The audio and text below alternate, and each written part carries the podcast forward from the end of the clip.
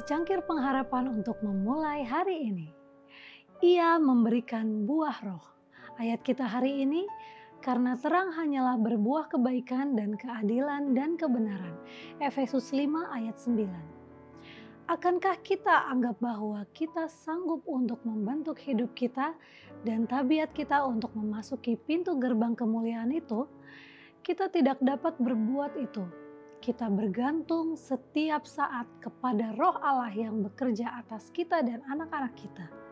Sekiranya para orang tua mau melihat keadaan yang berbeda dalam segala hal di keluarganya, biarlah mereka menyerahkan dirinya semata-mata kepada Allah, maka Tuhan akan mengadakan jalan dan cara-cara oleh mana suatu perubahan boleh terjadi dalam rumah tangga mereka.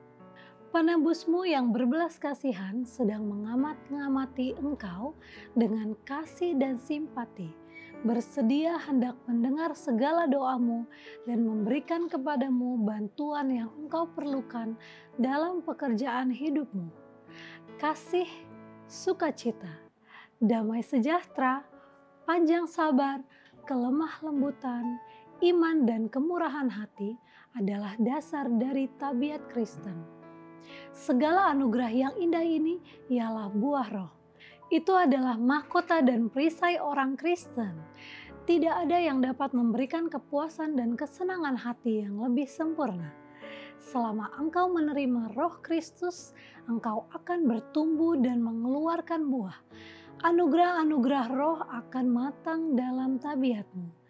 Imanmu akan meningkat keyakinan hatimu akan bertambah dalam, kasihmu akan dijadikan sempurna. Makin lama engkau akan semakin memantulkan keserupaan dengan Kristus di dalam segala sesuatu yang suci, mulia, dan elok. Buah ini tidak akan pernah binasa, melainkan akan menghasilkan sejenisnya suatu penuaian kepada hidup yang kekal. Bila mana buahnya matang, lalu segera disuruhnya orang membawa sabit, sebab sudah tiba musim menuai.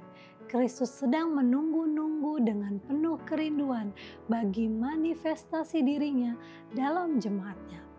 Apabila tabiat Kristus kelak dihasilkan dengan sempurna dalam umatnya, maka ia akan datang untuk menyatakan mereka sebagai miliknya. Demikian renungan kita hari ini. Selalu mulai harimu dengan secangkir pengharapan.